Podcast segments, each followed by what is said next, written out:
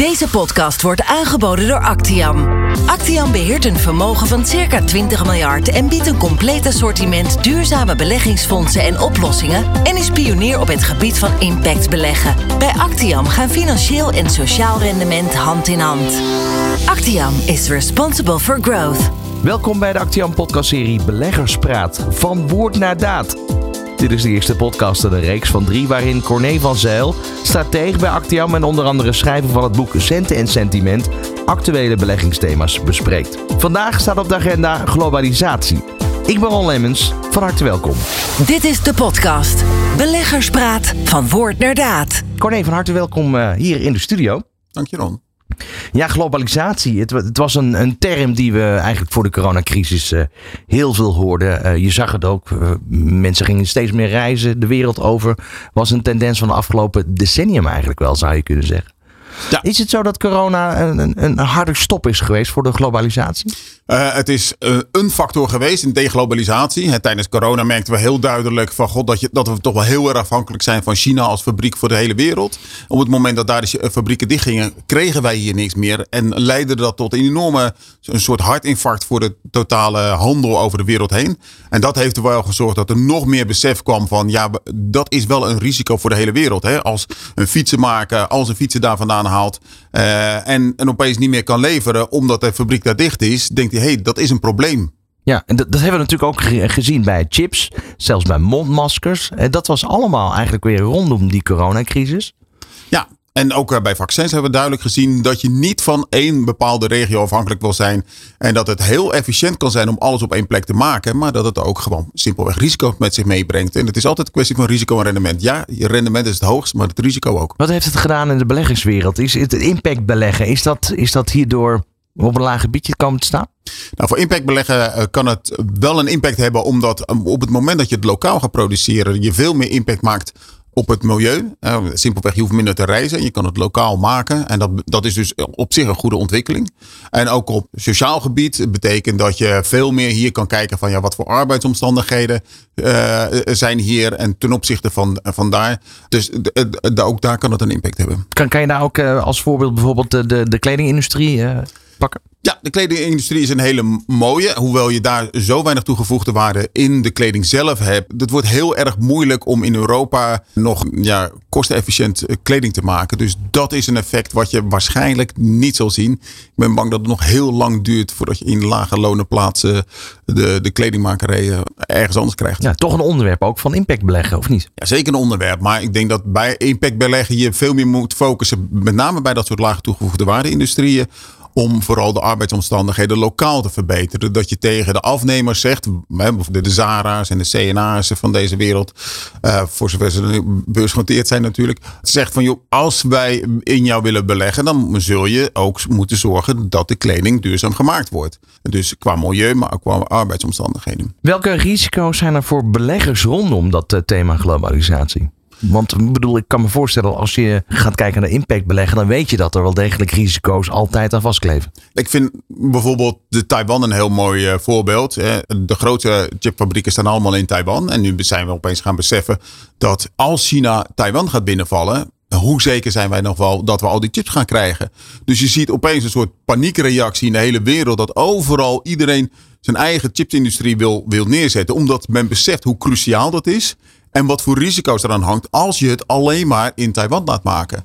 Dus wat dat betreft is dat besef er wel gekomen. En laat wel wezen, dat besef staat of valt niet met de coronacrisis. Dat is er eigenlijk al veel langer. Nee, want voor de corona was er ook al sprake van handelsoorlog tussen China en Amerika. Staat natuurlijk los van het feit dat China Taiwan zou binnen, willen binnenvallen. Ja.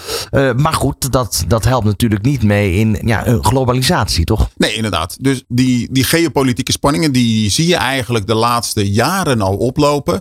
En we zien het nu bijvoorbeeld ook met de Oekraïne-crisis. We zijn opeens heel erg bewust dat er toch wel heel veel gas uit uh, Rusland komt stromen. En hoeveel we daarvan afhankelijk zijn. En dat zie je dus op veel gebieden. En dat is dus tussen Rusland en Amerika, tussen Rusland en Europa, eh, tussen Amerika en China. Het zijn allemaal landen waarvan iedereen zegt: ja, we kunnen niet meer afhankelijk, puur en alleen afhankelijk zijn van één regio. We zullen onze risico's moeten spreiden. En in het geval van die chips is het heel duidelijk: van ja, iedereen wil zijn eigen industrie. Betekent ook dat, dat er bedrijven zijn die daarvan profiteren. we hebben een heel mooi bedrijf in Veldhoven, genoemd, genaamd ASML. Dat is heel leuk dat er in eh, Japan, die wil zijn eigen chipindustrie. De Europese Unie is daarmee bezig. De UK is daarmee bezig. De Verenigde Staten heeft net 51 miljard vrijgemaakt om te investeren. Maar al die fabrieken moeten gevuld worden met een bepaald machines van een bedrijf wat in Nederland bij Veldhoven, wat toevallig daar bijna een monopoliepositie heeft. Dus ASML gaat daarvan profiteren. Ja, dus dat is, dat is al een goed teken. Stel je voor, ik ben eh, belegger. Moet ik dan kiezen voor in ASML in te investeren? Want ze krijgen het waarschijnlijk drukker. Of moet ik juist kiezen in die fabrieken die er gaan komen in diverse landen? Je noemde Japan, je hebt het over Amerika, westerse landen in Europa. Ja, oh, sowieso geef ik eh, geen persoonlijk advies uh, over bedrijven. Maar het is altijd beter. Uh, er is een oude beurswetheid die ook zegt van je moet bij het vinden van een goudmijn niet beleggen in degene die naar het goud zoeken. Maar in de toeleveranciers, dus in degene die de pikhouwelen leveren. Want dat zijn degenen die altijd winst maken. En bij degene die het goud proberen te vinden is het altijd maar de vraag. En die beurswestmatigheid die, die geldt dus ook voor de chipindustrie. Dus voor ASML uh, staat er een hele glorieuze mooie tijd in het uh, vooruitzicht. ASML zal daar nog heel lang van gaan profiteren. Maar dat weten de meeste beleggers ook al. Het is niet voor niks dat ze een superwaardering hebben. En uh, zeg maar de, de goudvinders, de chipfabrieken zelf, hebben een aanmerkelijk lagere waardering. Maar goed, er is een hele grote vraag naar chips. En daarvan is ook bekend dat het alleen nog maar toe gaat nemen, toch? Dat is bijna een, een zekerheid. Die vraag naar chips gaat toenemen. Um, wat je wel hebt is dat het aanbod natuurlijk met al die fabrieken die overal geïnstalleerd worden en gemaakt worden en neergezet in al die regio's, betekent dus ook dat de productiecapaciteit aanmerkelijk gaat toenemen. En de prijs is simpelweg het gevolg van vraag en aanbod. Dus ja, de vraag zal toenemen, maar als het aanbod zoveel toeneemt, en als je overal een Taiwan gaat neerzetten in al die uh, regio's, ja, dan neemt het aanbod dusdanig toe dat de prijs waarschijnlijk onder druk komt te staan. Is er dan nu ook al een terugtrekkende beweging te zien in Taiwan, de industrie daar? Uh, nou ja, uh, Taiwan Semiconductors is een, een, een, bedrijf wat dermate veel geld verdient en een dermate uh, briljante marktpositie heeft. Dat de maar winst, staat onder druk. De, ja, de winst op dit moment stroomt eruit, zeg maar. Omdat er heel veel behoefte is aan, aan, aan semiconductors. maar het is steeds meer een risico dat beleggers in dat bedrijf beseffen van ja, het kan ook eens een keertje fout lopen. En uh, dus zie je dus een enorme discount qua waardering in dat soort bedrijven. Ja, kom je daar dan ook bij dat, dat je eigenlijk zou kunnen stellen: is het voor beleggers dus niet beter om uh, economische blootstelling van het bedrijf uh, daarna, daar goed naar te kijken? Je moet altijd door het bedrijf heen kijken en beseffen van God, in hoeverre uh, zijn de risico's als de toelevering, en net zoals er altijd, standaard was altijd van nou, hoeveel percentage of hoe groot is het percentage dat een bedrijf afhankelijk is van één klant. Maar nu moet je ook gaan kijken in hoeverre zijn ze qua input en qua toeleveranciers afhankelijk van een bepaalde regio en staat die mogelijk politiek onder druk? Kan er een oorlog komen of wat voor verstoring dan ook? En, en hoever eh, kunnen ze dat oplossen en hoe zijn hun uh, input ook verspreid over de wereld? Dan de vraag, hoe belangrijk is China en wat is de impact van dit land op beleggingen?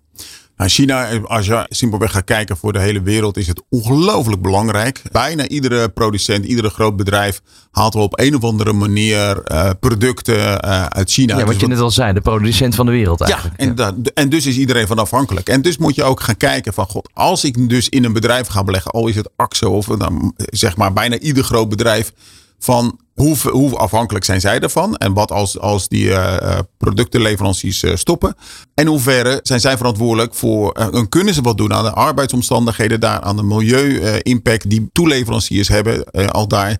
En kunnen zij daar invloed op hebben? En ja, als je als belegger daar druk op uitoefent, kan die druk dus helemaal doorgaan tot het einde van de keten. En heb je mogelijk een klein beetje betere wereld als het allemaal gaat zoals je wil dat Ja, want is het nog lastig het feit dat het eigenlijk een communistisch land is?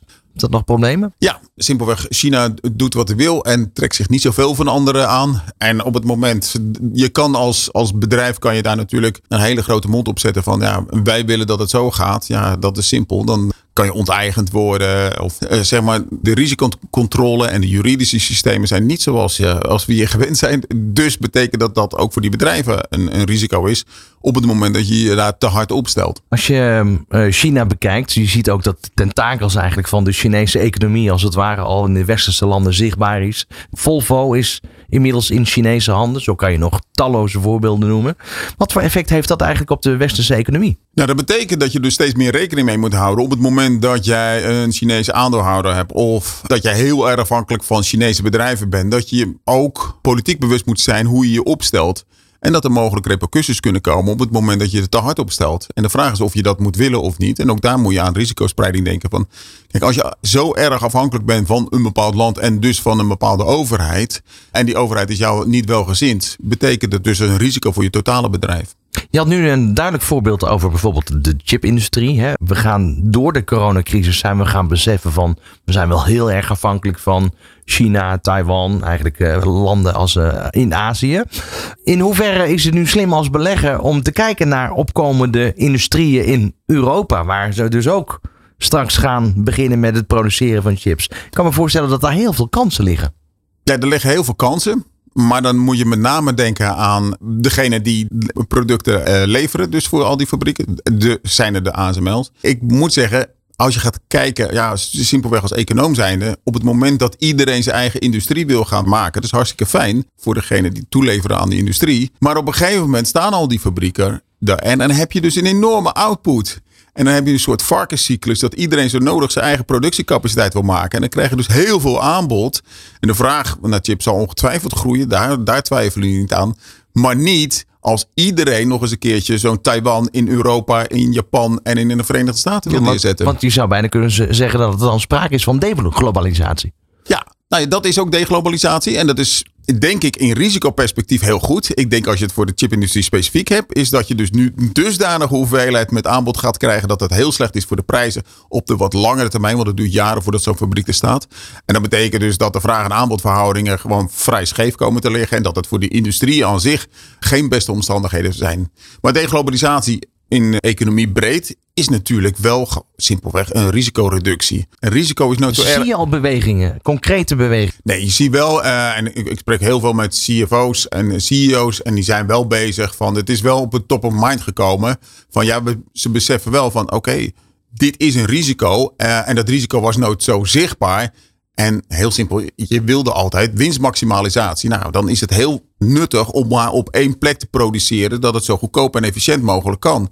Maar op het moment dat er dus een kink in een kabel komt, ja, dan is je hele bedrijf onderuit. Dus men beseft dat aan dat uh, winstmaximalisatie, dat daar ook een, een, uh, ja, de andere kant van de medaille is. En dat is dat je ook veel meer risico loopt. En dat risicoaspect is nu veel zichtbaarder geworden. Dus uh, aan risicospreiding wordt nu al gedaan?